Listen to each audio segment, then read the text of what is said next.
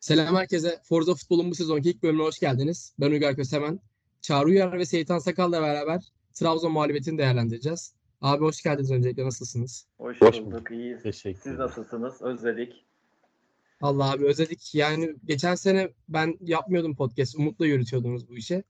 Bu sene ilk defa yapacağım. Ee, geçen sene galiba galibiyetler podcast'ten sonra gelmiş.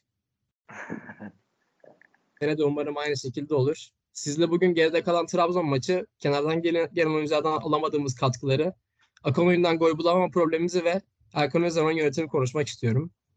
Çağrı abi senle başlamak istiyorum. Başla abi. Başlayalım abi. Bir de Beşiktaş başlasa iyi olacak ama başla. Sen başlat Çağrı abi. Geçen seneki gibi de o destek lazım demek ki. Ya, ya o- olabilir. Hani nasıl baş nasıl başlayalım bilmiyorum ki. Hani ge- şimdi ilk podcast'i yapıyoruz. 12. hafta bitti. Ee, biz e, geçen sene podcast'a başladığımızda da böyle çok iyi başlamamıştık aslında hikayeleri. Ee, ne olur ne biter diye bakarken sonra bir baktık sonunda şampiyon olmuşuz. Ama tabii podcast serisi devam ederken bizim de e, takıma olan güvenimiz, takımın da sahadaki performansı e, çok farklı bir noktaya gitmişti. Bu sene enteresan bir lig oynuyoruz. E, e, şu anki 12. haftaya kadar. Geçen sene şöyle ümit ediyorum ben. Geçen sene ilk e, milli maç arasından sonra düzelmiştik biz. Bu sefer ikinci e, milli maç arasından sonra başka Beşiktaş seyrederiz diye ümit ediyorum. Ben de öyle umuyorum abi. Seytan abi sen neler söylemek istersin?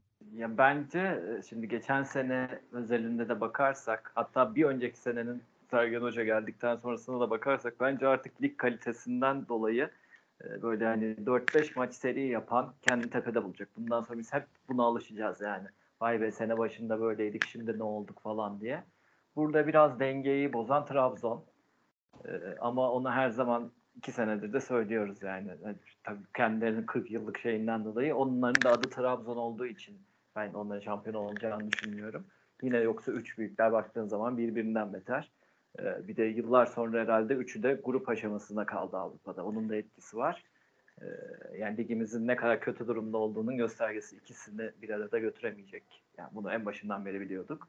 O yüzden e, yani Çağrı abinin dediğini daha fazla umarak söylüyorum ben de. Benim podcastlerle birlikte bence zirveye tırmanış başlayacak. Teşekkür ederim abi. Peki e, Beşiktaş'ın şu anki futbol performansını, Sergen Hoca'nın değişikliklerini, son maç özelliğiyle nasıl buluyorsunuz? Ne düşünüyorsun abi bu konuda? Seytan abi senden tekrar devam edelim. Ee, yani ben şöyle söyleyeyim e, kafası karışık yani kadrodan dolayı e, kafası karışık şöyle sakatlıklar çok oldu tabii onun da çok etkisi var tabii bu sakatlığın da üstü biraz kapandı gibi oldu. Beni asıl rahatsız eden saha içi performanstan çok o. E, yani zeminde kondisyonerdi yok bilmem kimdi şuydu buydu dendi. Şanssızlığa bağlandı kapandı iş. E, ama şimdi işte bu mesela Trabzon maçından sonraki sağlık raporunu e, artık milli takımlardan mı alacağız ne alacağız? Bir ara her maçta iki tane üç tane gidiyordu yani. Hani o fazla şeyi de sor ilk zamanlarda daha da yüksek olmasına rağmen e, yani sakatlık kaynaklı bence 11'ini bulamadı. E, çünkü geçen seneki de şimdikinin arasında çok büyük fark var. E, çok daha geniş bir kadro var. Ee, ve oturan 11 işte hepimizin kafasında oynasın dediğimiz 11 herhalde bir iki maç falan anca oynayabilmiş. Ee, o yüzden onun büyük sıkıntısını çekiyoruz gibi geliyor bana. Ee, yedekten girenlerin de genel katkısı bayağı düşük. Çünkü şöyle onun sebebi de şu. e, bizim bir, e, as oyuncularla yedek oyuncular arasında en çok fark olan takımlardan biriyiz bence. Ki bu da doğal. Yani as oyuncuları bu kadar yüksek e, profil seçiyorsan böyle bir ekonomide yedekleri o kadar yakın seçemezsin. E, Bundan kaynaklı diye düşünüyorum.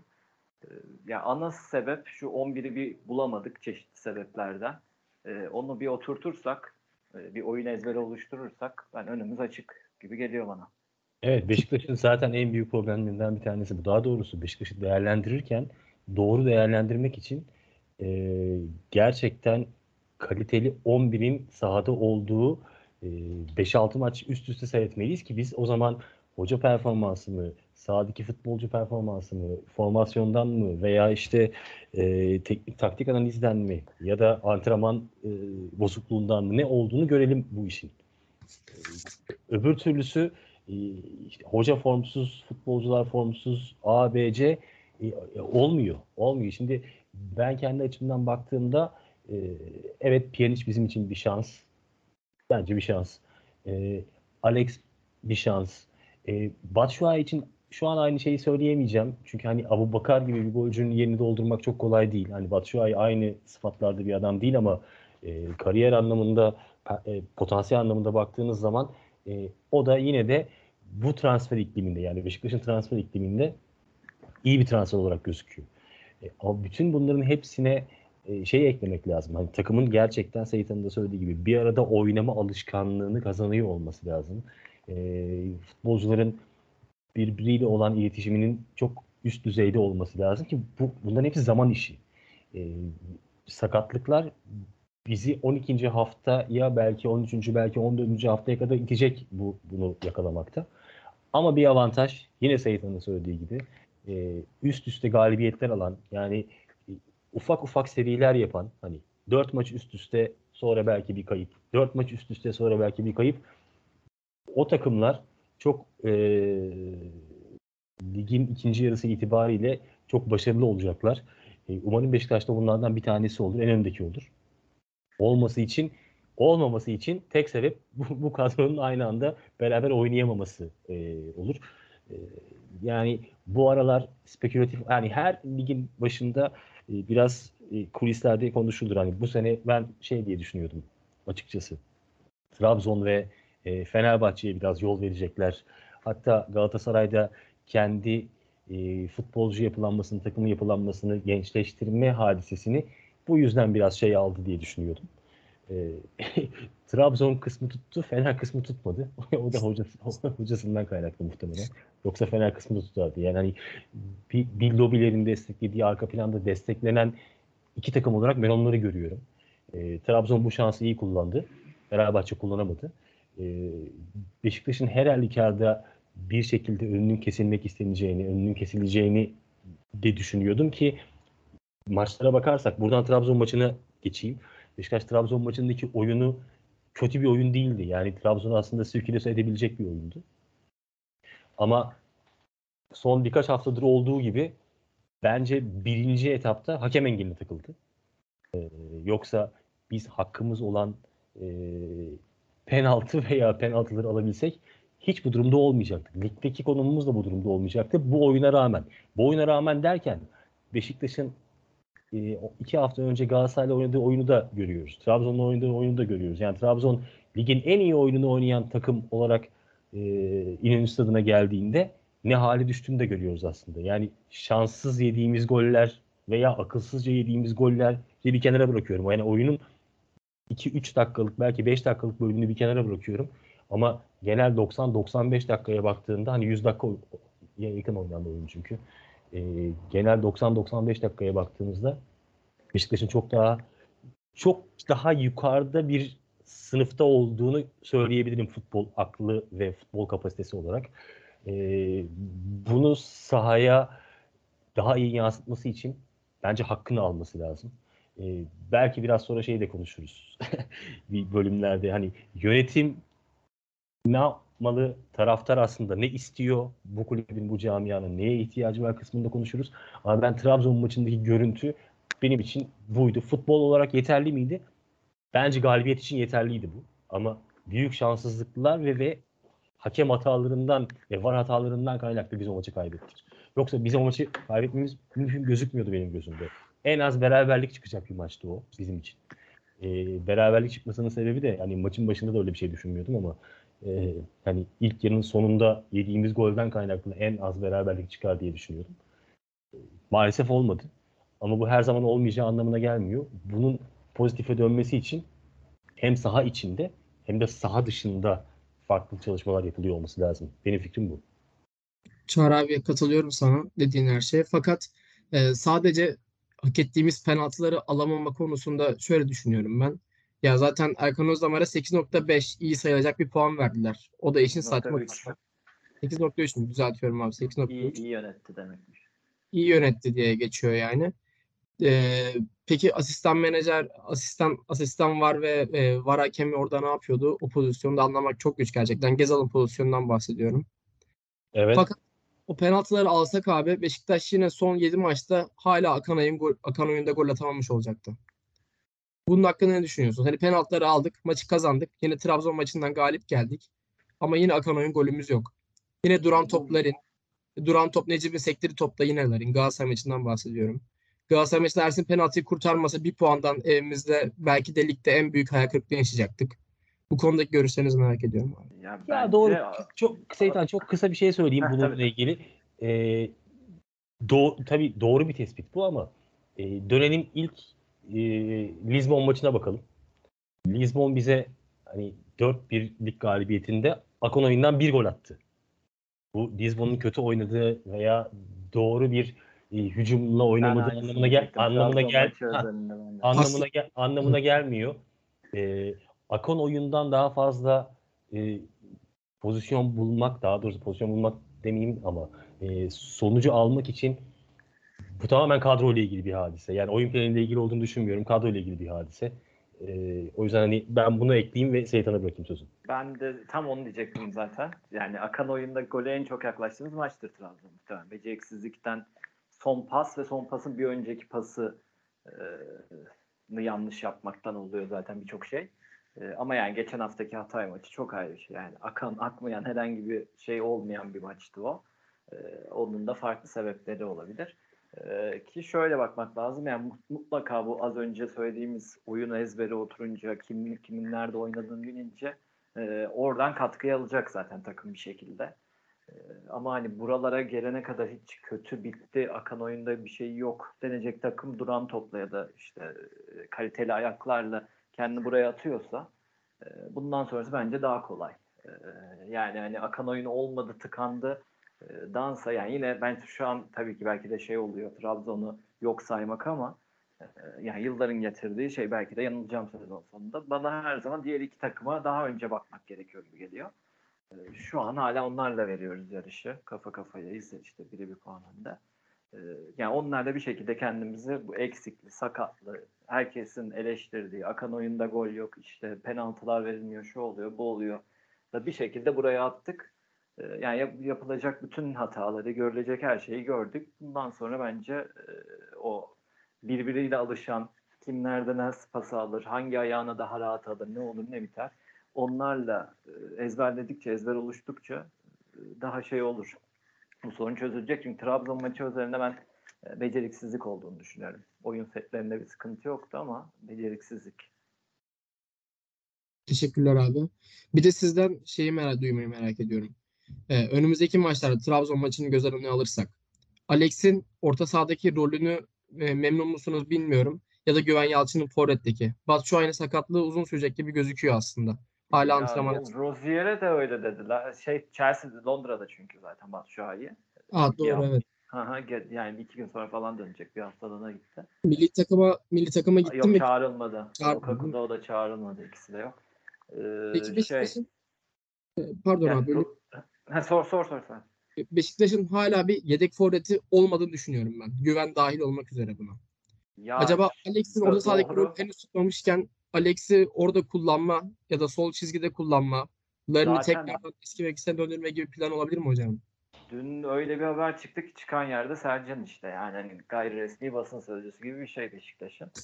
Ee, artık forvette de şey yapacak diyor. Yani sol ya da forvet demiş ama solda Enkudu da var, Larin de var. E, Larin'i belki şey sözleşme sebeple kesebilirler diyeceğim ama yani sanmıyorum öyle bir şey yapacaklarını. E, soldan ziyade bence de ben Trabzon maçında da hatta ileride e, yararlanılması gerektiğini düşünüyordum en uçta. E, çünkü yani en kötü zaten hani Batshuayi'nin de iyileştiğini düşünelim normal bir şeyde.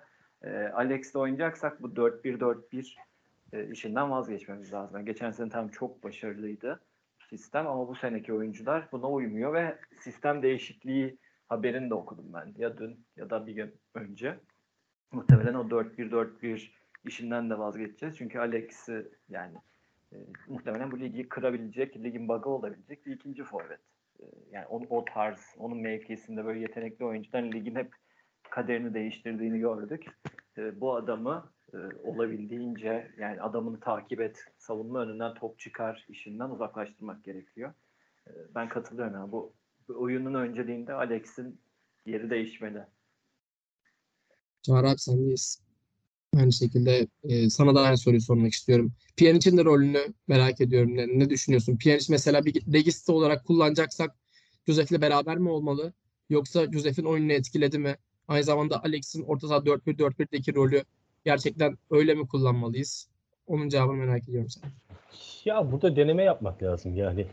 Ee, bazı oyunlarda oyun içinde değişiklik yapabilirsin. Ee, formasyonu illa 4-1-4-1 ile kullanırken e, o futbolcular senin elindeyse eğer o futbolculara göre saha içinde de yerlerini değiştirebilirsin. Ama bu dediğim gibi hepsinin beraber oynama alışkanlığıyla olacak. Biz şunu görmedik ki yani 4 maç üst üste bunları görüyor olsaydık hep beraber oynadıklarında nasıl oluyorlar kısmını görüyor olsaydık o zaman daha rahat değerlendirebilirdik. Yani ya, Pjanic çok ekstra bir adam. Geçen gün e, Erbatur'un bir lafı vardı. Bazı oyuncular var ki o size gelmeden önce siz onun siz onun kıymetini bilmezsiniz. Yani o o pozisyonun o, öyle bir şey yapabileceğini bilmezsiniz.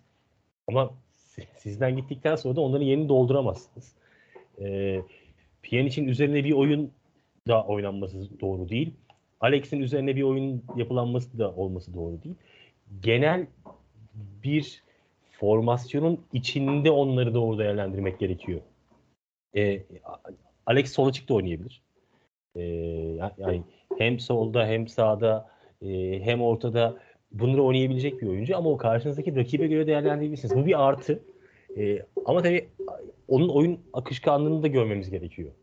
Ee, yani bunları yani 11 kişilik bir oyunun içinde sadece Pjanic, sadece Alex üzerinden değerlendirmek çok kolay ve çok doğru değil gibi geliyor bana. Hani evet son bir haftadır, 10 gündür, belki iki haftadır Alex orada oynamamalı, e, orta sahayı bozuyor veya Pjanic'in o hikayesi orayı bozuyor diyoruz belki. Bir sürü insan da bunları böyle görüyor.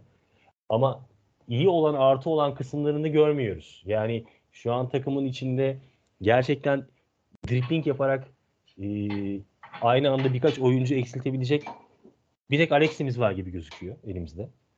E, ve bunun yanı sıra hani defanstan gerçekten iyi top çıkarabilecek, oyunu sağdan sola akıtabilecek veya oyun zekası olan da bir tek Pjanic var gibi gözüküyor işin içinde. E, o yüzden hani bu ikisinin de sahada olması bence büyük artı olacaktır. Abi katılıyorum. Pjanic ve Alex'in her zaman e, zaten bu sezon bizle beraberler ve onlarla şampiyon geleceğini düşünüyorum ben. E, fakat Beşiktaş'ın asıl oyununun başlayacağı zamanı Salih'ten, Oğuzhan'dan, e, kenardan gelen oyun hatta Kenan'dan, Enkudu'dan verim almaya başladığında bulacağını düşünüyorum ben. Çünkü biz şu an Beşiktaş şu an 65'ten sonra oyunu rolantiye alıyor. Gole ihtiyacımız olsa bile. Bunun Sergen Hoca ile bir alakası olduğunu düşünmüyorum ben mesela. Ee, çok çok maç yapmamızın bunda bir etkisi var. Şampiyonlar Ligi bunda önemli bir etken. Bundan sonra düzeleceğini umut ediyorum. Zaten artık orayla al- alakamız kalmadı. Üçüncülük şansımız da kalmadı. Yani %100 lige fokus olduğumuzdan itibaren toparlayacağımızı düşünüyorum. Evet, herkes aşağı yukarı aynı şeyi düşünüyor ki yani bunu yazın falan da e, iki maç diye düşün, söylemiştim ben. Yani fark iki maçta kalsın biz şu Şampiyonlar Ligi belasından kurtulana kadar diye biz arkadaşlarla konuşuyorduk. E, çünkü çok zor bir şey sahiden bu. Yani bizi fiziksel olarak o seviyeye çıkamadığımız için zorluyor. Büyük takımları da oradan dönüştü. Yani mesela City'nin işte Crystal Palace maçına bakın. Hep oluyor. Yani her sene mutlaka zaten hani bahis falan bu işleri kovalayanlar da çok net en çok yattığı zamanlara dönse Şampiyonlar Ligi dönüşleri ya da öncesidir. Yani 12 maçı etkileyen bir yer o. E, orayı Allah'tan diyorum yani Fener ve Galatasaray'da devam ediyor ki sürekli onlar da aynı şey yaşadı. E, işte Perşembe, Pazar ya da Pazartesi oynarken aynı şeyi onlar da yaşadığı için e, Trabzon tabii bu avantajı büyük şekilde kullandı. Şu an için rahat sayılabilecek bir yerde. Ee, o iş bitince ben de düzeleceğini düşünüyorum. Bir de biz yani hani onun da ekstrasını yaşadık. Ee, tamam normal rotasyon yaparsın bir şekilde olabildiğince zararı azaltırsın. Biz onu da yapamadık. Yani herkes sakatlandı. E, bayağı kötü bir iki ay geçti başlangıç olarak ama e, ilk lafa başlarken Çağrı abinin dediği geçen sene ilk milli arada kurtarmıştık. İyi dönmüştük. Bu sefer de ikinci mi üçüncü mü artık kaçıncı oluyorsa üçüncü herhalde. Ondan sonra başlarız diye düşünüyorum ben. Umarım abi öyle olur. Size son olarak şeyden e, şeyi merak ediyorum. Beşiktaş'ın geçen sene bozmadığı tek mevki neredeyse stoper rotasyonu. Montero'yu hatta oraya kattık biz de. Belki devre arası Kaan Ayhan bize katılabilir ama şimdilik en azından Vida, Wellington ve Montero olarak oradan devam edeceğiz. Ki gelen bir Serdar Saatçi de var aynı zamanda. Necip'i de kullanıyoruz ara sıra. Fakat en çok sıkıntı yaşadığımız bölge bu sene bence takım olaraktan yani stoper hattımız. Bunu sebebi merak ediyorum. Takım kimyasını korumamıza rağmen o tarafta neden hala orada çok büyük sıkıntılar yaşayıp her maç gol yiyoruz oradan. Çağrı abi senden merak ediyorum bunun cevabını. Tek cevabı var. Godin'i almadığımız için. Tek cevabı var. Yani Godin'i almış olsaydık bunları yaşamazdık. Bence yani ayağı iyi ve akıllı bir şeye ihtiyacı, stopere ihtiyacı var takımın. Ee, bir de aynı zamanda geçen sene herhalde ligin ikinci yarısında Wellington hayatının en iyi stoper performansını gösterdi. Ee, ligin ilk yarısındaki yani en azından ilk yarısı demiyorum ama ilk çeyreğindeki gösterdiği performansı bu sene devam ettiriyor. Vida da çok kötü. Evet. Ee, e, yani son maç almadan da böyle devam eder o. ya olabilir yani son maçlarda Montero da rezalet. Rezalet yani anlatabildim mi? Hiç yapıp yani bu saçma sapan hatalarla e, yani hem moral motivasyon kırıyor hem de şey yapıyor ama ben mutlak suretle oraya bir e, takviye yapılması gerektiğini düşünüyorum. Peki abi en azından şimdilik kullanmamız gereken ikili stoper tandemi sence hangisi? Yüzde yüz Necip birincisi. Bence de Yüzde öyle. yüz.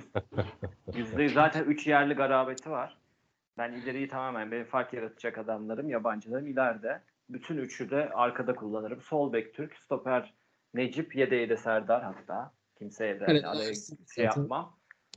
Sı- kaleciler zaten işte Ersin- orada zaten Türk. Yani üç yabancıyı kendi arasında döndürürüm. iki Türk'ü de kendi arasında. O kadar yönetim. Ya ben o kadar necipçi değilim. Yani ben hatta Mehmet Topal bile e, Wellington veya işte Montero yerine oynayabilir diye düşünüyorum. Ben Topal'ın ben de beli, belinin döneceğini düşünmüyorum da daha. Ben de öyle. Ya bence şöyle bir terslik var. Yani bize mesela sorulduğu zaman işte hep sezon başında da e, işte Josef'in yedeği Necip e, stoperde de ihtiyaç olursa Topal den, deniyor ama bence stoperin birinci yedeği Necip, ayak düzgünlüğü ve oyun sakinliği olarak da Josef'in yedeği de Topal bence. Oyunu bozmayacak şekilde devam etmek için bu lazım. Yani mesela Josef Allah korusun bir şey olsa ki oldu. E, işte oraya yerine Topal iç sahada mesela daha düşük kalibre bir takıma oraya direkt topalı koymak lazım. Çünkü o bölgede oynayacak ayağı en düzgün Necip'e falan nazaran kişi. E, Stoper'de de ben diyorum, te- dediğim gibi bu Türk kuralı yani işte yabancı kuralı mı artık Türk kuralı mı hangi ne saçmalıksa. Üçünde ben arkada kullanmak için Necip, e, sol bek, kaleyi kesin yani bu üçlüden kullanırım. Yani ben orada ben orada Serdar'ı tercih ederim ya. Ya ya da işte Ne- ama Necip'e kadar da- kalacaksa Serdar'ı tercih ederim yani. Ben de aynı şekilde ya Serdar ya da Necip olaraktan düşünüyorum şu an orayı. Yani, yani yanında Vida oynamak suretiyle. Çünkü Vida ile Wellington geçen sene bize saçma sapan iyi bir stoper performansı izletti. Ve geçen sene gösterdiklerinin çeyreğini gösterseler muhtemelen clean sheet rekoru kıracak Ersin şu an ya. Ya geçen senenin de belli dönümü bu arada. Yani biz iyi hatırlıyoruz da bayağı kötü maçları da vardı. Tabii evet. Yani çok iyi yani belki çünkü zaten başlangıç olarak kötü başladılar. İşte komisyoncu, komisyoncu falan muhabbetin çıkma sebebiydi zaten Wellington'lar. Zaten kötü başladılar. Sonra düzeldiler işte benim 6 maçlık seride falan. Sonra birkaç maç ben ligin sonlarına doğru Wellington bu hata yapılır mı falanı duydum hatırlıyorum. Yani bir kaç geçen sene de bir de bir sürü de maç oynadık işte kaç maç. Yani onun yarısı oyun, iyi oynadılarsa zaten 20 maça denk geliyor da yani bu sene de bir 10-15 falan herhalde oynarlar diye düşünüyordum ama bence o ikisini oraya koyunca bu sefer ileriden bir yabancını eksiltiyorsun. Ben o işe hiç girmeden Necip ya da Serdar diyorum. Yanına Ya beyler işte tabii şöyle bakmak lazım bir de mevzuya. Ee, rakiplerimize göre bakalım bir şey. Yani şu anda e, defans dörtlüsü ve kaleci performansıyla beraber değerlendirdiğimizde e, en iyi defans dörtlüsü kimdi aslında? Abi, bence Galatasaray'da. Dörtlü o ilk 11 olarak bakıyoruz. Ben stoper olarak aldım. Pardon. Yine Yok, sto- stoper olarak bakalım. Doğru. Çünkü Fenerbahçe'yi de- de- değerlendirirken çünkü öyle defans dörtlüsü olarak değerlendiremeyeceğiz. Orada saçma sapan bir şey çıkacak. Ben- Ee, stoper tandemi olarak bakalım. En iyi stoper tandemi bence Fenerbahçe'de. diyorsun abi. Ben Galatasaray olduğunu düşünüyorum. Stoper tandemi. Şey, Evet Marka abi. Nelson mu diyorsun? Evet abi. Aner Bence Marka Nelson bir şey. Ee, bir basın bombası yani. Nelson Ne- Nelson'un zaten Kuzey Avrupalı olduğuna inanmak mümkün değil veya hani Galatasaray tedrisatı öyle bir tedrisat ki Kuzey Avrupalı bir adamı bile dünyanın en e, üçkağıtçı stoperi haline getirebiliyor yani. Ha, hani e, çok ben çok bana çok garip geliyor oradaki hikaye. Nelson'un bize karşı oynadığı maçtan ötürü söylüyorum abi. Ben yani e, Beşiktaş'ta Nelson bize karşı oynadığı maçta öteri söylüyorsun. İlk gol aslında hani Musta ile beraber %50 %50 Nelson hatası yani. Bence %100 Muslusa'nın hatası. %100. Yok ama sen bir stoper olarak arkandaki oyuncuya kafa vurdurmaman gerekiyor ve onunla beraber topa çıkıyorsan o topa vuracaksın yani. Veya çok yakında duracaksın. O top, onu bozacaksın oradakinde. Yani arada hani tek şey olması lazım. Yani mikrofondan deli gibi e, Mustafa'nın bırak dediğini hani hani veya nasıl söylüyorsa onu tamam dediğini duyup ona yani yükselip o topa vuramıyorsan zaten yanlış yerde duruyorsun anlamına geliyor. Ben e, bizim şişirdiğimiz toplarda hani bu şey e, Anadolu stoperleri öyle olur ya Sağdan şişer, soldan şişer. Ona uçarak kafa atar. Ona vurur falan ama bir büyük takıma geldiğinde o farklı bir noktaya gider. Yaslanıp oynayan takımların stoperleriyle e, ileride oynayan takımların stoperleri arasında dağlar kadar fark var. Ben şeyi de beğenmiyorum mesela. Trabzon stoperlerini de beğenmiyorum. Elgare'ye olsa ne olur olmasa ne olur. Çok önemli değildi benim için oradaki hikaye. Yani bir alt segmenti geldi. Çok daha iyi oldu aslında hani Beşiktaş için orada ama e, Galatasaray'da da hani Markao bile pimi çekilmiş bomba normal real real hakem oyununu görsen, real oyunu görsen zaten marka iki maçta bir sahada olamaz. Yani bunu real değerlendiriyor olmak lazım. Bizdekiler bizdekiler formsuz.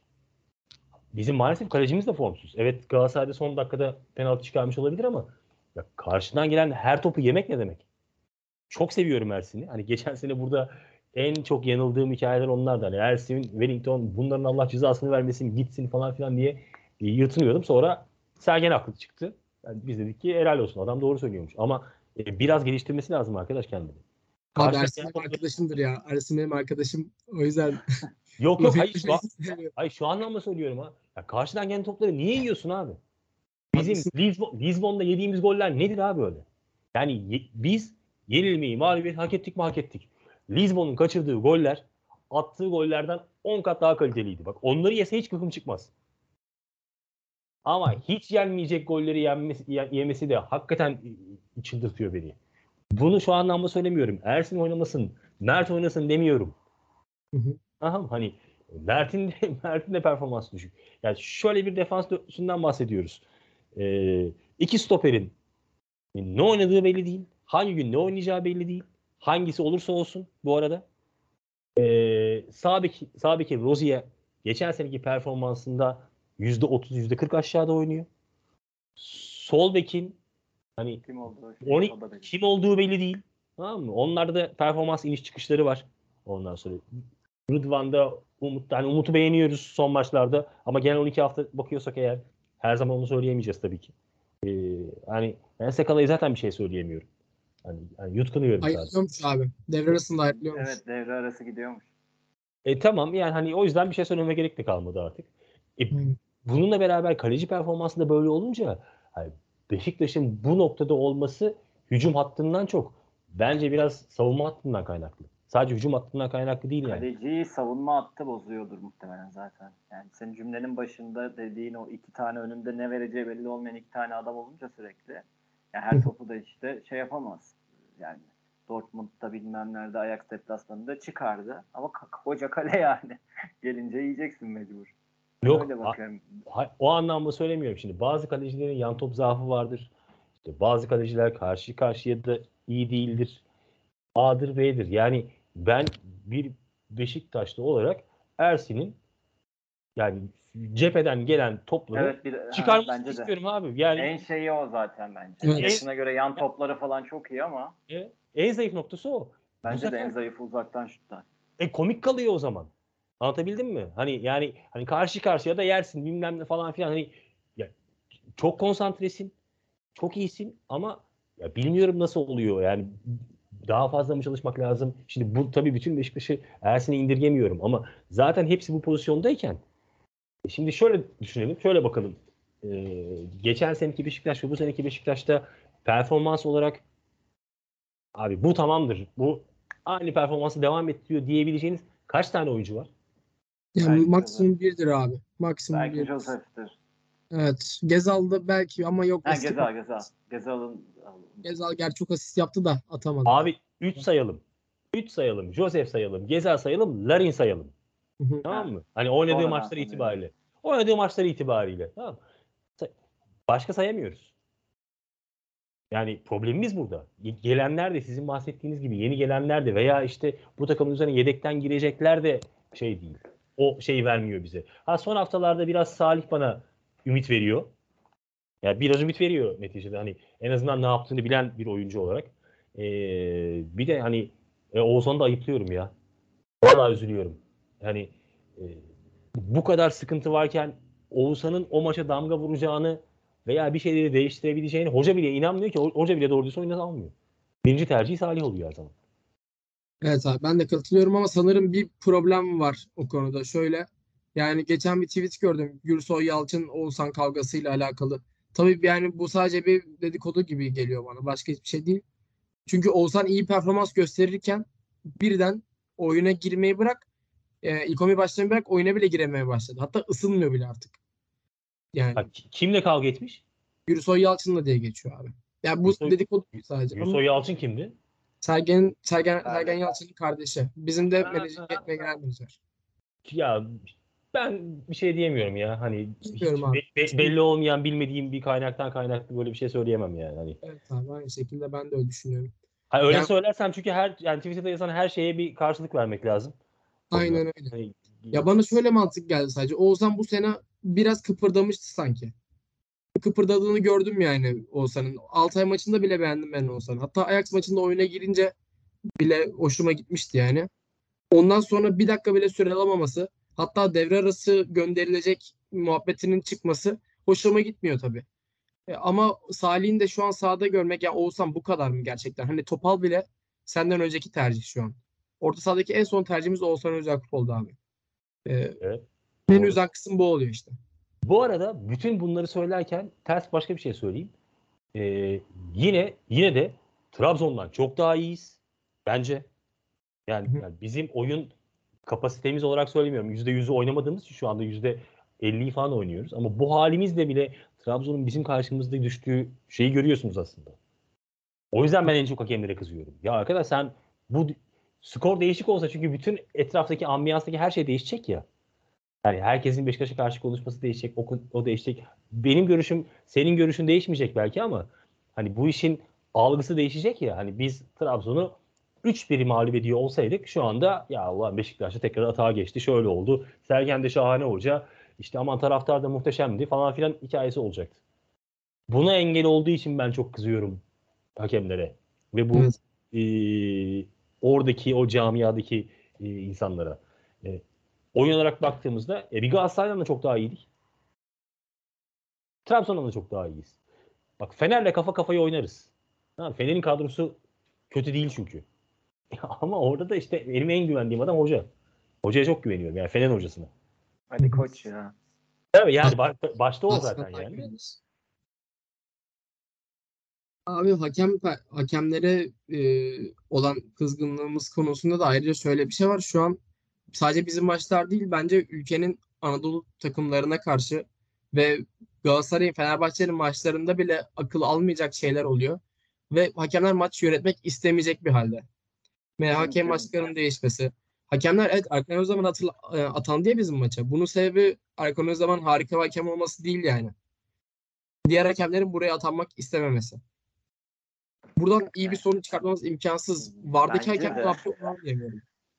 Ben bunun konuda hakem konusunda hep genel Beşiktaşların çok aksini düşünüyorum zaten. Ben hiçbir şekilde art niyetli hele profesyonel e, bu kadar hakemlik yani inanılmaz paralar kazanırken düşünmüyorum. Bence yeteneksizler.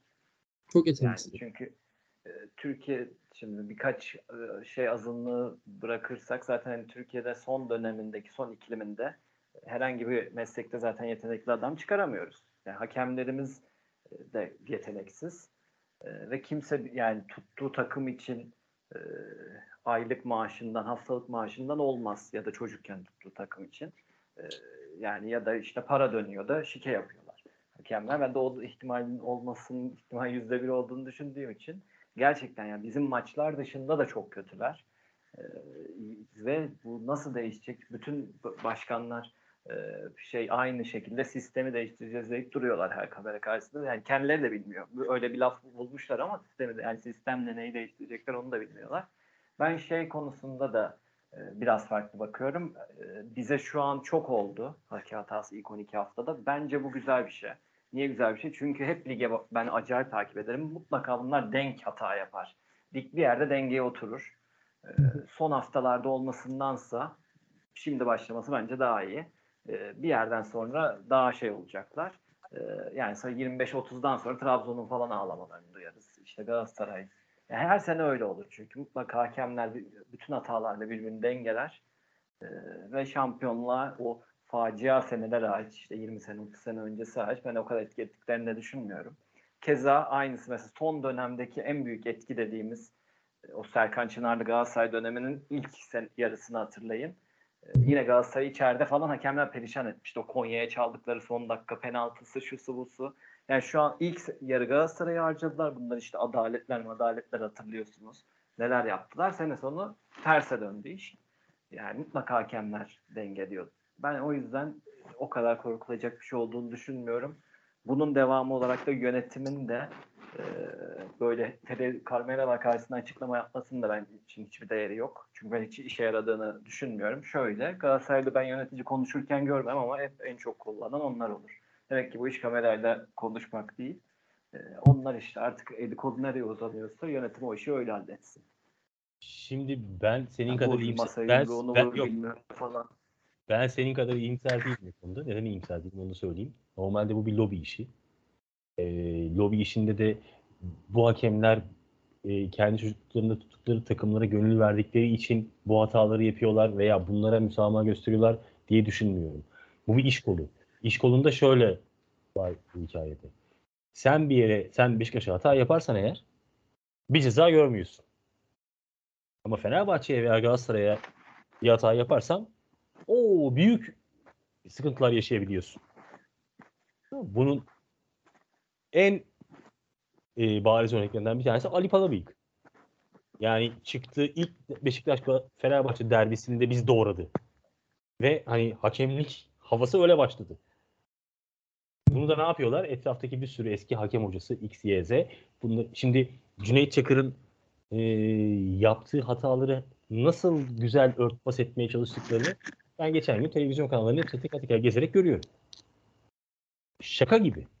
Yani şöyle düşünmek lazım. O yorumcular eğer Galatasaray Lokomotiv Moskova'daki işte X bir hakem, hani Bulgar hakem, İsveçli hakem, İngiliz hakem, X, Y, Z yapıyor olsaydı o hatayı ne yaparlardı?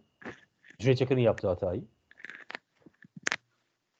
Evet abi haklısın kısımda. Anlatabildim mi? O zaman şimdi bu duruma göre ve kişiye göre ve şeye göre farklı konuşmak anlamına geliyor.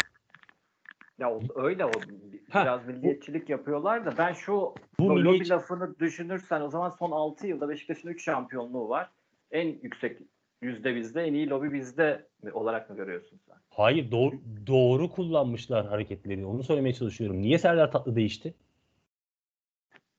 Niye değişti? Serdar Tatlı'yla güya kimse değişmesini istememiş öyle diyorlar da. Ya tabii ki hikaye. Öyle bir şey olabilir mi yani? Ee, biz işte biz gitsin istemedik. E ne istedin abi? Sen Biz dedin ki merkez hakem istemişiz. merkez hakem ma, ma- merkez hakem Fenerbahçe Ali Koç'un söylediğini söylüyor. E, biz orası değişsin istedik ama Serdar Tatlı gitsin istemedik. Ne yapsın dedim orada dursun mu? Serdar Tatlı'yı savunduğum için söylemiyorum. Serdar Tatlı herkes tarafından bilinir ki kimsenin adamı değildir hikayesi. Tamam, hani en azından diğerleri kadar onun adamı, bunun adamı, şunun adamı değildir hikayesinden kaynaklı ki bize de e, büyük zararları olmuştur. E, geçen seneki e, hakemlerle ilgili olan kısımdan bahsediyorum. Bu oyun şey yaptığım için değil. Hani sistem değişsin, X değişsin. Çünkü o sistem o adamların işine gelmiyor. Sistem değişsin de demek ne demek abi? Sistem değişsin demek şu demek olduğunu algılıyorum ben o zaman. Sistem değişsin değişsin diye bağırıyor herkes. E, VAR'daki hakemler E karışmasın. Ya benim canımın istediği gibi karışsın. Ben sadece orta hakem olarak söylemiyorum ki bunu. Var hakemler için de aynı şeyi söylüyorum. Bunların hepsi toplamda bir camia. Ya sen nasıl olur da Vida'nın itildiği pozisyonda bir penaltı çalmazsın? Bu bana hiçbir zaman abi kimse bunu açıklayamaz bana yani. Bu kadar kameranın olduğu bir yerde tamam mı? Hani şey e, yayıncı kuruluş bunu göstermiş, göstermemiş. Hadi o da bu işin içinde değil, o bu falan. Bunların hepsini geç. Tamam. Abi sen işini doğru yapıyor musun, yapmıyor musun? Biz efendim niye genç hakem yetiştirmiyoruz? Niye hakem yetiştirmiyoruz? Niye bilmem Yok abi kimi yetiştireceksin ya? O sistemin adamı olması lazım yani. Bir sistemin bir şeyin e, adamı oluyor olması lazım. Yani Beşiktaş'ın birçok şampiyonluğu hani evet şey var ama ya Galatasaray'ın kazandığı birçok şampiyonlukta Beşiktaş'ın emeği yenmiş, Beşiktaş'ın hakkı yenmiş. Yani biz bunlara şahit olduk. Biz Samsun maçına da şahit çok olduk. e- çok eskiden de. Ben şu anki düzende Ama bunların siz- artık para mes- şeyi e, birincisi hep savundum ceplerine para çok büyük para giriyor. İkincisi Seyit Ben abi bir şey değişmiyor ki onu söylüyorum sana. Bak diyorum Ali ki sen Palabıyık'a ulaşırım. Yani Abi, ulaşırsın. böyle bu ulaşırsın. kadar ama kork herkesin birbirinin tehdit edebildiği şeyi o iyi bir şey olarak söylemiyorum. Kimse böyle bir topa girmez. Ben ya yani bu sene. Fenerbahçe'yi şampiyon yapalım. Yani ki niye o zaman mesela hep Fener kullanıyor diyoruz. Bu adamlar 7 senedir niye şampiyon olmuyor? Ya da biz niye son 6 senenin 3'ü biz mi kullandık? Ben böyle bakarsak e, yani çok büyük zarar verir. Fenerbahçelileşiriz düşünüyorum ben. Her şey, hakemler, hakem kötü çünkü yani ben art niyet aramıyorum. Bu ülke insanı nasıl her şeyde kötüyse hakemlikte de kötü. Tamam. Peki o zaman kötü olan hakem nasıl bir ceza alıyor? Hakemlikten mi kovuluyor? 8.3 Yo, verdi. Ceza, ceza ya a- Evet. abi Erkan Özdemir şöyle oradaki sıkıntı varın. Ee, yani maç Bak. olarak şey olarak da bence en Hep- büyük hatası mesela Pjanic'te topu dur- durdurması. Abi hepsini söylüyorum. Bak sadece orta hakem olarak bakma ki mevzuya. Orta hakem, Varlarda hakem, işte var hakemi. puanı düşmesin diye mi çağırmıyormuş? Saçma sapan bir sistem varmış ya bizde. Tamam ya abi yalan onlar. O puan düşsün, düşmesin, o yapılsın, yapılmasın. Buradaki önemli olan kısım varın hikayesi hakemi kollamak için değil ki. Oyunun adaletini korumak için. Oyun adaleti için var orada. O hakeme yardımcı olmak için var. Hakem bunu süzemeyebilir, göremeyebilir. Hepsi tamam sıkıntı yok. Göremeyebilir. Başka yere bakıyor olabilir. Ama ulan bundan dört tane var sahanın içinde. Yukarı şey Riv- Riva'da da bir sürü adam var. Bir sürü de kamera var. Ha, hani bunların göstere göstere olmaması bana çok komik geliyor. Bu e, her zaman var lobicilik. Olmaması mümkün değil. Yani bugün e, Galatasaray'ın ayrı bir lobisi var. Fenerbahçe'nin ayrı bir lobisi var. Beşiktaş'ın ayrı bir lobisi var. E, bu spor gazetelerinde, e, spor kanallarında da bu böyle. Hani hangisinin lobisi daha kuvvetliyse orada o adamlar var. E şimdi bilmiyor muyuz A Spor'un aslında e, hangi takımı savunduğunu? Bilmiyor muyuz? Bilmiyoruz abi. Biliyoruz. Onların fazla etkinliği yok. Fazla etki- saçması. Fazla etkinliği yok dediğin adam Trabzon'un hocasını değiştirdi geçen sene. Öyle olduğunu varsayıyoruz. Tamam? Öyle olduğunu düşünüyoruz. Anlatabildim mi? Sonra birisi bir yerden başka bir şey bir tweet atıyor. Ha, bir sürü şey ortaya çıkıyor. Tamam mı? Sonra yok ya bu kadar da değil de diyorsun. O kadar da oluyor. Tamam Bazı şeyler bilhassa yüz yani su üstüne çıkıyor. Bazı şeyler bi- bilhassa su üstüne çıkmıyor. Niye o zaman sence e, Beşiktaş Başkanı Ahmet Nur Çebi ben kameraların önünde konuştuğundan anlamında söylemedim bunu da yanlış anlaşılmasın. E, Yo, ben de senin için demedim ya. Şey, Ha. yumruğu vur bilmem hashtag oldu ya geçen. Ha, ya O diyorum. o şey o gaz hikayesi hani gaz alma bilmem ne yapma falan filan ben de buna karşıyım tamam mı? Orada baştan yap önlemini ki böyle şeylerle karşılaşma. Böyle şeylerle karşılaşma daha az karşılaş. Çünkü e, Cüneyt Çakır hata yapıyor. E, öbürü hata yapıyor. Öbürü hata yapıyor. E, ne oluyor abi? Bunlar hakemlikle devam ediyor. Paralarını kazanmaya devam ediyor. Paralarından olmuyorlar ki. Diyorum ki ya benim fikrim şu. Bu adamlar Beşiktaş'a karşı hata yaptıklarında veya Anadolu kulüplerinin içinde bazılarına hata yaptıklarında bir problem olmuyor arkadaş. Hiç problem olmuyor. Aynen devam ediyorlar hayatlarına. Ama Galatasaray'a karşı bir hata yaptıklarında, Fenerbahçe'ye karşı bir hata yaptıklarında futbol yaşamlarına devam ediyorlar. Yani biz hani çok kötü bir tabir, düdük astırmak. Yani çok kötü bir tabir. Yani çok aptalca bir şey bence. Ama ve lakin biz kime yaptırabilmişiz bunu? Türkiye'de yaptıranlar var. Kime yaptırabilmişiz? Beşiktaş Galatasaray maçında hatalı penaltı kararı verdi diye gitti Galatasaray başkanı düdük astırdı. Ali Aydın Nasıl- değil mi? Ali Aydın. Nasıl oldu peki abi bu? Hani lobi yok, hani bilmem ne yok. Hani kural var, X var, Y var. Yani var arkadaşlar var. Yani bu işin içinde Ahmet de var, Mehmet de var, bilmem ne de var. Hani işte var deyince de hep ulan hani var ama yok diyoruz ya işte. Ee, normalde bence bizim geçen sene şampiyonluğumuzu hani var kullanımları falan belirledi ya. Gerçekten hani Ha- Hatırlıyorsunuz ya Cü- Cüneyt Çakır'ın verdiği, vermediği penaltılar yaptı. Be- Beşiktaş maçlarını yönetirken de. Yani Cüneyt Çakır'a kalsa biz Cüneyt Çakır'ın yönettiği maçların hemen hemen hiçbirisinden puan alamıyorduk.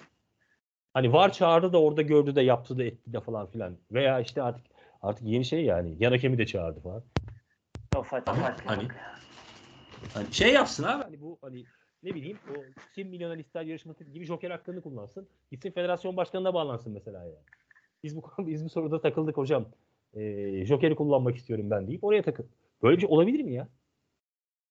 Bunun bir lobi olduğuna şöyle katılıyorum abi. Geçen sene Beşiktaş hatırlarsanız Kasımpaşa maçı sonrasında aynı hakem verilmişti Beşiktaş'a. Bu sene de Fenerbahçe megafonla çıkıp Ali Koç konuştuktan sonra Servet Hatlı e, Aynısını vermek aynı- istemiş o yüzden gitmiş. aynı hakemi vermek istemiş. Aynen öyle abi. Aynen öyle. Bu bir lobidir mesela. Evet. Ama E ben sen- diyorum ki E Sen bunun başındayken bunu veremiyorsan tamam mı? O zaman demek ki sen karar veremiyorsun. sonra kendisi de bunun üstüne görevi bırakıyor zaten. Öyle öyle Evet, geçen yani. sene Beşiktaş da Galatasaray'a vermiş. Değil mi? Mete, Mete'yi vermiş onları da üst üste. Evet. Evet. Hmm, Hatta onlar kazandı gerçi Mete'yle de sevmiyor. Yıllardır kavgalılar ya. Üst üste vermiş Evet. onları. Bize de verdi. Biz kaybettik de gerçi. Ee, Şeyde yine aynısını istemiş. Federasyondan aramışlar herhalde. Hmm. Yani bu, bu arada eee Seyithan'a yüzde yüz katılıyorum. Hakemler Evet. kötü performansları. Rezalet. iyi değiller. Ya hayır çok komik ya. Bu hafta Halis'in yaptığı nedir öyle ya? ya Ya, ah. Ha, Ali. Şansalan'ı gördünüz mü alt ligde? yok onu görmedim. Onu da O ne yaptı? ya. İnanılmaz Abi de ya. offside verilmeyen offside'i gördünüz mü siz bir de aynı zamanda? Evet. Aha. Onu yani da ne- nasıl, nasıl bir hafta geçiriyoruz? Bundan bahsetmeye çalışıyoruz. bilerek bence bu şey e, bu arada bir şey olabilir yani ciddi bir sabote için falan da olabilir çünkü bir hafta içinde 3 tane aynı maç haftasında 3 tane acayip hata yani. Evet. Orası da karışık besbelli yani abi. Çok garip yani. E abi peki karış, Hem- karışıksa, karışıksa tamam mı? Nasıl oluyor da bu normal yönetiliyor olabilir? Çünkü lobicilik var. Hani birisi bir hani var yani hayatta var. İşte Cüneyt Çakır ve ahalisi vardır muhtemelen. Bir tarafta hakemlerin içinde. Bir tarafta belki başka bir grup vardır. Var. Ha yani o onlar vardır, bunlar vardır.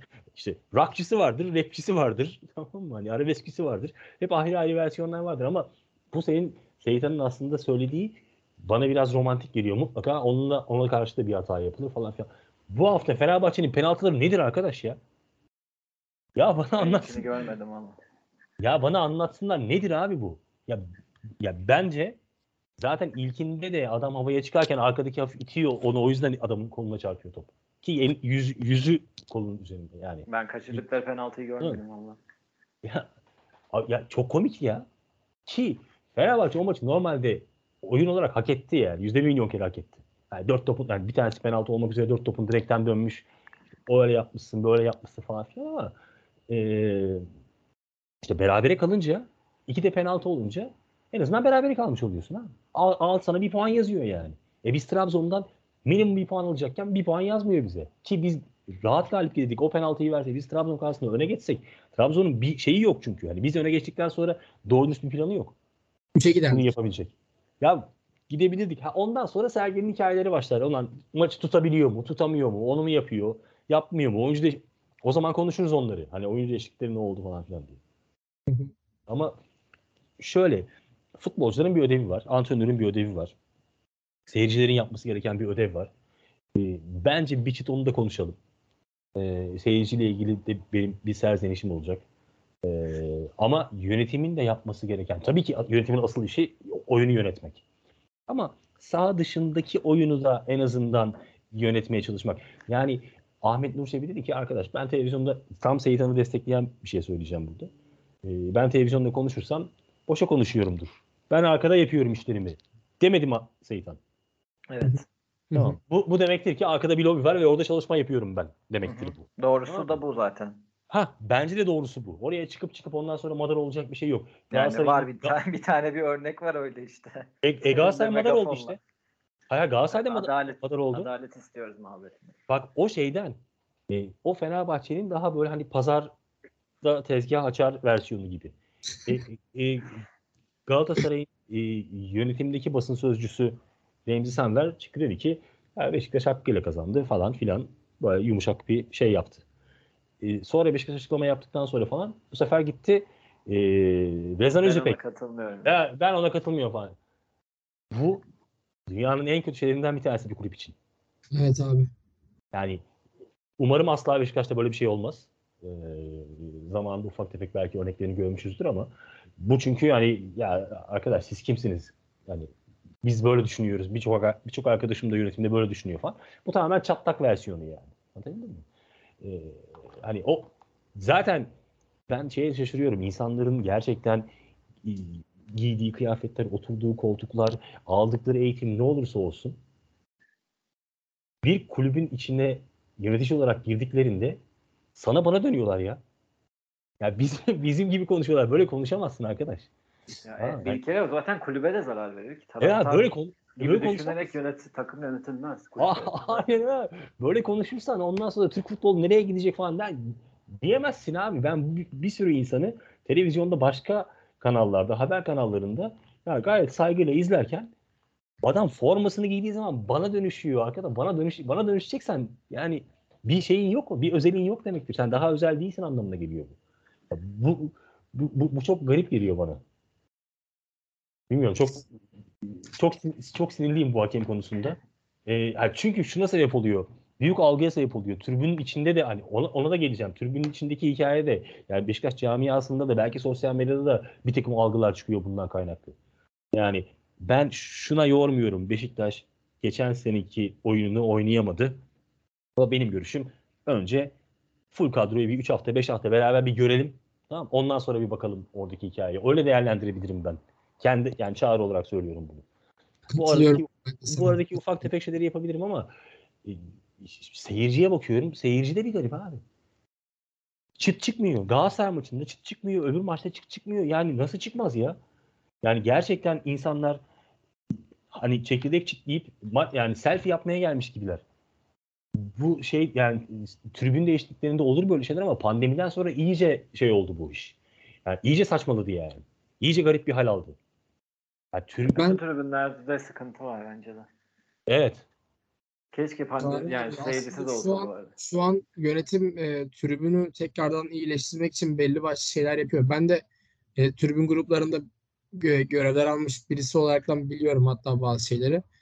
Fakat bu tribünün güzelleşmesi bence imkansız. Çünkü gelen profil hani sen insan, insan bilet veren, e, bilete para veren bir insana buraya gelme diyemezsin. Ve artık oraya bilet alan insanlar belli kişiler. Maçta adam face, FaceTime yapıyor. Benim önümde. Ben Doğu Alt'taydım bu maç. Doğu Alt'tayken önümde adam 90 dakika FaceTime yaptı önümde. Gittim mi sinir, yani olacak iş değil abi. Sahayı Doğu gösteriyor, alt çekiyor. VIP'ye falan oturtmuşlar zaten. Doğu alt batı alta gelmiş Trabzonlular. Batı alttalardı gerçi değil mi onlar? Abi çok Evet, büyük evet. kavgalar çıktı. Çok büyük. Her her sene de aynı şey oluyor. Bu benim Ahmet Uçebi'ye en büyük kızdığım olaydır. Ee, Beşiktaş'ta memleket, memleketçilik yapıyorlar. Yaklaşık 20 tane Beşiktaşlı karakolda geçirdi geceyi. 62-22 yediler ve bir yıl maçlardan men oldular. Çünkü Trabzonsporlular bizim maça gelebiliyor diye. Ee, yaklaşık 250 250 tane Trabzonsporlu olduğuna eminim ben o maçta. Ya iki Çebi- tane zaten şey veriyormuşuz her sene. Onlar bize biz ona. Sadece Evet. Trabzon'da bu var. Niye? Çünkü şey bizim yönetim Karadeniz'i kaynadığı için muhtemelen. Abi loca Yani altı bence de- Ben loca altı denecek bir yerdeydim. Locanın tam altındaydım. Arkamda 7 tane Trabzonsporlu maç bitti. Ben orada maçtan bir 15 dakika çıkamadım. Çok sinirliydim çünkü. Arkamda Sen sarı- şeyde miydin? 1900 Televizyon- tribünün önünde miydin? abi şey ben e, aynen öyle. Doğu altta 1900'ün önündeydim. Ar- arkamda 8 tane Trabzonsporlu maç sonrası birbirine sarıldı, seviniyorlardı. Yani çok üzücü bir durum gerçekten. Ee, Abi kanunen yasak. Evet. Bak kanunen yasak. Loca olsa yine bir şey diyemeyeceğim ama hani kanunen yasak. Yani loca da olsa yasak da. Bir Trabzonlu'nun bir, bir deplasman maçına gelmesi veya bir Beşiktaşlı'nın bir deplasman maçına gitmesi yasak kanun. Yani Ya, Bir sürü Beşiktaşlı maça gelemiyorken aynı zamanda. Yani Evet bir de şunu da eleştirmem lazım abi. Madem siz e, bu konularda bayağı yetkin rol alıyorsunuz. Bu bilet fiyatları nedir arkadaş? Nasıl gelecek abi? Nasıl gelecek abi Beşiktaş taraftarı maçı? Ya şöyle bir durum oluyor orada da. E, 100 175 liraydı Trabzonspor maçının en düşük bileti. Yani nereden bakarsak bu 14 euroya falan denk geliyor. Diyor ki başkan hatta başkan değil Türk kulüpleri ben euro harcıyorum diyor. Euro harcadığım için bilet fiyatı al sana 175 TL lan diye bir şey var. Ama yani bize Türkiye'de yaşayan insanlar Türkiye bize Türk lirası harcıyoruz yani. Ve diyor ki her türlü stat doluyor diyor. Yani sonuçta 20 kaç bin bilet satıldı? 20 bin bilet satıldı. Beşiktaş %100 kapasite olduğunda da mesela 40 bin bilet satacaktır diye düşünüyorum ben. Kimin geldiği bir önemi yok ki onlar için. E, Trabzonlara verirsen zaten dolar. Tabii. ya arkadaş e, Beşiktaş yönetimi tabii ki kasasına giren parayı düşünecek ama e, öncelikle taraftarı düşünecek. Bu takım Kesinlikle. bu takım niye oynuyor? Beşiktaş niye değerli? Hani niye Sarıyer değil de Beşiktaş değerli?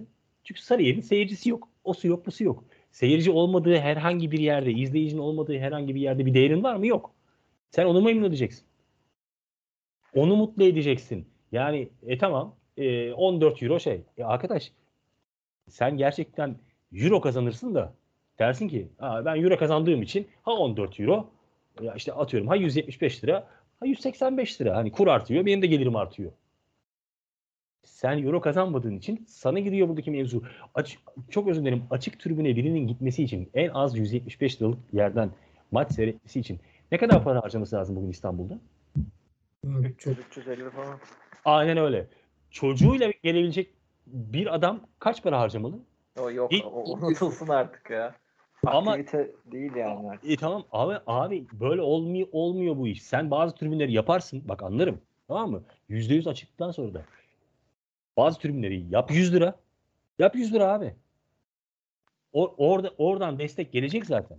Öbürü çay içmeye de gelse, çekirdek çitlemeye de gelse, sen açıkları en azından bunları fulle. Numaralıyı istediğini sat. Kapalı da öyle oldu. Kapalıyı da istediğini sat. Kapalı üstü de ayrı fiyat yap. İyi yani yüksek fiyat değil. Yani bağıracak adam oraya gelecekse eğer o cefayı çekecekse. Benim normalde Vodafone'daki kombinem 114, 24, 14. Tam o 1903 tribünün önündeyim ben. Ceza sahası çizgisinin şeyindeyim. Ee, şeye doğru. Söyle adını. En üst tarafta. Bu zamana kadar gelen adamlar da belliydi. Yani küçük küçük bir sürü grup vardı şeyin içinde. Vodafone açıldığından beri diye söylüyorum ben. E, e, orada bile bir sürü handikap vardı.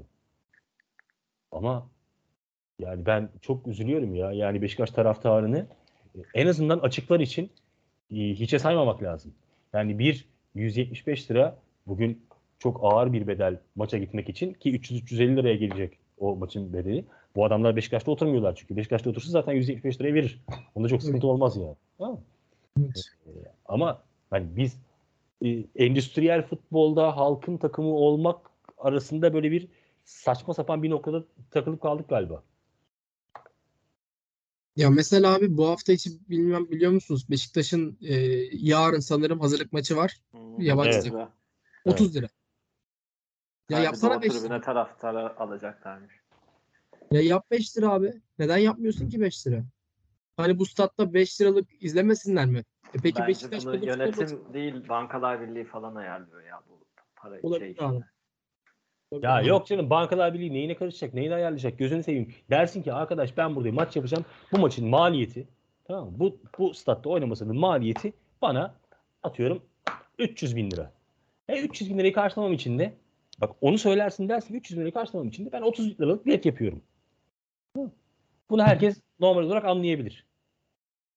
Ama dediğin gibi yap 5 lira, yap 10 lira. Öyle değilse yani öyle büyük maliyet yoksa bir şey yoksa yap 10 lira. Bir sürü adam çağır, bir sürü adam al. Abi Ya- ama geçmişte bedava bile yaptılar biliyor musunuz? Beşiktaş Atletico Madrid kadın futbol maçı mesela bedavaydı girişi. Yani bedava yapılıyorsa demek ki 5 lirada yapabilirler. Bankalar Birliği'nin e, hazırlık maçına karışabileceğini düşünemiyorum ben. He ben hazırlık maçı için demedim ya bu arada. Ligde bence o sabit fiyatın sebebi şey Anladım. Bizim yönetim anladım. olamaz. Yani çünkü bir şeyi aynı hatayı 100 kez yapıyorsa futbolla alakası olmayan birinin yapması gerekiyor diye düşünüyordum ben.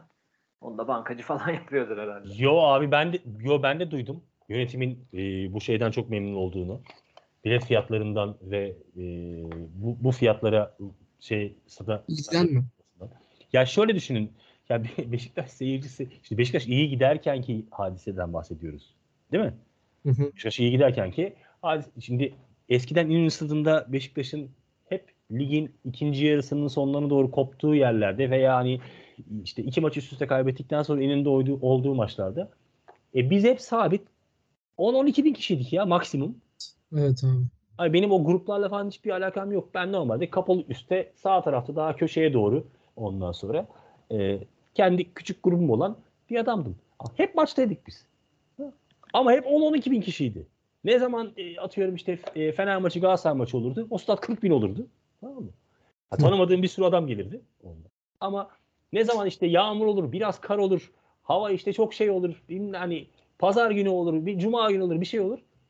Kalıyor 10, 10 bin, 10 bin, 15 bin kişi. Ama 10-15 bin kişiden de eşek gibi ses çıkıyordu. İnönü çok başkaydı abi. İnönü bambaşka bir sevdaydı. Vodafone Park maalesef şöyle bir bize büyük bir şans olarak geldi. Beşiktaş bambaşka bir kulübe dönüştü. Her profil açısından.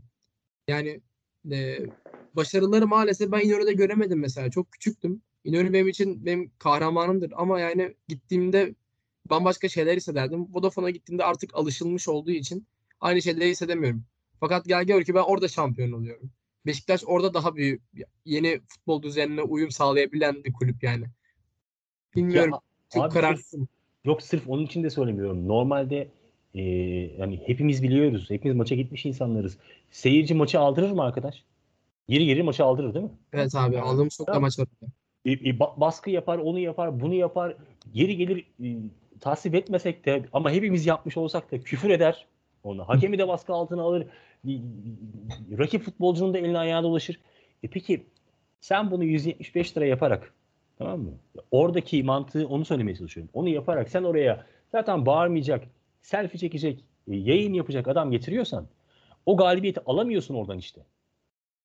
Yani senede bu, bu sahede iki tane galibiyet alsan mı? Kaç para kazanıyoruz abi biz galibiyette? Çok. Artık çok. E, aynen öyle. Ya futbolcuya verdiğin parayı da öyle mantıkla yapıyorsun ya. Ulan bu herif bize 3 maç kazandırır zaten kendi şeyini çıkartır. Kendi parasını çıkartır diyorsun yani. Tamam mı? Ee, e, seyirci bu yüzden lazım. Yani bizdeki hala mantalite biz niye maça gidiyoruz abi? Beşiktaş'ın maçını seyretmek için gitmiyoruz ki aslında. Biz Beşiktaş'a destek olmak için gidiyoruz. Verdiğimiz parayı da o yüzden veriyoruz. O yüzden helal ediyoruz. Ulan fark etmez. Hani içtiğimiz rakıyı da o yüzden iç- içiyoruz. Bazen kederden bazen keyiften o ayrı. Tamam mı? Ama e, o eğlencesi onun altında yani onun önünde veya sonunda yarattığımız eğlencesi bize manevi artı. Bir, bir daha maça gitmemizi sağlıyor. Ama e, bizim stada gidip de e, bön bön oturacaksak e, gitmiyoruz arkadaş o maça. Ya, o- oturmak için gitmiyor olman gerekiyor. Anlatabildim mi? Hani sen oraya destek olmak için gidiyor olman gerekiyor. Beşiktaş seyircisi öyle bir seyirci. Türkiye'deki futbol başka türlü bu kadar popüler hale gelmez. Yani oraya da gittim, ona da gittim. Bilmem- E, arkadaş gittin de ne bok yedin yani? Ne destek verdin? Ne yaptın? Para vermek değil ki bunun destek vermek sadece. Ya biri yeri geliyordu işte eski statta. Yeni statta da olabilir. Niye olmasın? Yani akustiği öyle, akustiği öyle falan filan. Bir daha doğru bir organizasyonla yapabilirler. Hani belki tribün liderleri kendi içinde kavgalıdır. Bilmem ben onları çok tanımam. Hani öyledir, böyledir, atışmaları vardır falan. Ya birleşirsin bir yerde bir, bir şeye kadar dersin ki arkadaş ben bunu yapacağım ya. Yapacağım yani. Beşiktaş tribünde en organize tribünlerden bir tanesi. Hatta Türkiye'deki en organize tribün normalde. İstese Aslında- olabilecek tribün. Tamam. Şu an itibariyle çok pardon bölüyorum abi. Yeni yönetim e, yönetimin şu anda Bilgihan e, Bilgihan adlı bir yönetici kurulu. Aynen. E, kendisi Beşiktaş'ın şu anda eskiden tribünden gelmiş birisi ve bayağı ilgileniyor tribüncülerle. Yani E, çok iyi. isteklerini karşılıyor.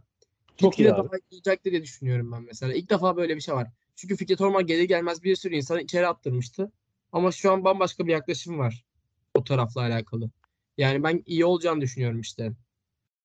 Abi çarşı davasından beri tribün bir türlü şey olmadı. Ee, Evet. Eski haline almadı. Hak veriyorum tabii ki yani oradaki insanların hepsine de. Hak veriyorum yani. O hak verilmeyecek bir durum değil yani. E, o, o, o, şeyleri yaşamak çok kolay değil. Tamam. E, ama ama bence doğrusu e, yani yani yönetimin en azından bir kalem işi de abi işte bilmem ne X maddesi olarak da biz hani bu tribünleri daha nasıl canlı hale getirebiliriz? Nasıl tribüne daha gönül vermiş taraftarı maddi açıdan rahatlatıp buraya sokabiliriz de e, şey yapması lazım. Tribünün iyi olması, aktif olması anlamında söylüyorum. Yani çünkü yeri gelecek öyle bir hal alacak ki insanlar sadece seyretmeye gelecekler. O zaman ne protesto olacak ne bilmem ne olacak. Aa işte paramızı verdik karşılığımızı alamadık diye dönüp gidecek. Ama o zaman o zaman da o iş çok değerli hale gelmeyecek. Yani yavaş yavaş değerini kaybediyor olacak. Buradaki önemli olan şey tutku. Yani futbolu Türkiye'de ve veya dünyada iyi yapan iş tutku. Buna tutkuyla bağlı olan sporculardan çok seyircilerin tutkusu onu bir yerden bir yere taşıyor. Evet. Biz de şu an onu ona uzağız yani o şeyde. E, uzaklaşıyoruz. Bu, biz tam göbeğindeydik uzaklaşıyoruz. Evet. Şeytan abi eklemek istediğin bir şey var mı senin de? Valla çok güzel konuştunuz. Bayağı dertli. Ee, yani ben bunun yeni düzende rahat çözülebileceğini düşünmüyorum. O yüzden yani size iyi dileklerinize katılayım temennilerinize ama bence o eskide kaldı ya o iş. Güzel bir sohbet oldu abi. Çok teşekkür ederim. Eklemek istediğiniz bir şey varsa onları son cümlelerinize alalım. Ben çok konuştum Ee, Seytan. Top sende ne oldu? Yeni sezon yani bizim yeni sezonumuz hayırlı uğurlu olsun. Yine sonu mutlu olsun. diye- mutlu bitsin diyelim. Uygar sen de hoş geldin tekrardan. Hoş bulduk. Ee, öpüyorum sizleri. Uygar sonra kapatmadan, önce şöyle, ha, şöyle bir şey yapalım Seytan. Sen de kapatma. Şey Ee, mi? Biz, he, biz ne yapıyorduk? Bir totem yapıyorduk. Kendi kendimize. Skor. Skor. Bir sonraki maçın skoruyla ilgili bir totem bir, ya bir tahminde bulunuyoruz yani. Alanya Hemen maçı. söylüyorum. Alanya maçı. Zor gol yiyen bir ekip olduğu için 3-1 yeneriz diyorum. Çok ters köşe oldu bu. Çok iyi. Çok iyi.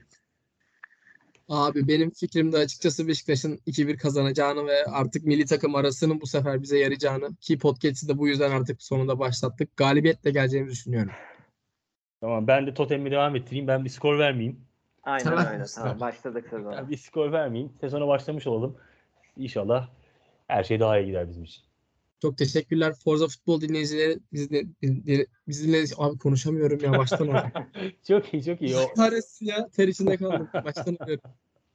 Forza Futbol dinleyicileri biz, bizi dinle... Abi kapatamıyorum. böyle böyle kapat bence. Böyle daha iyi. Bence de daha güzel olur böyle. Doğal olur.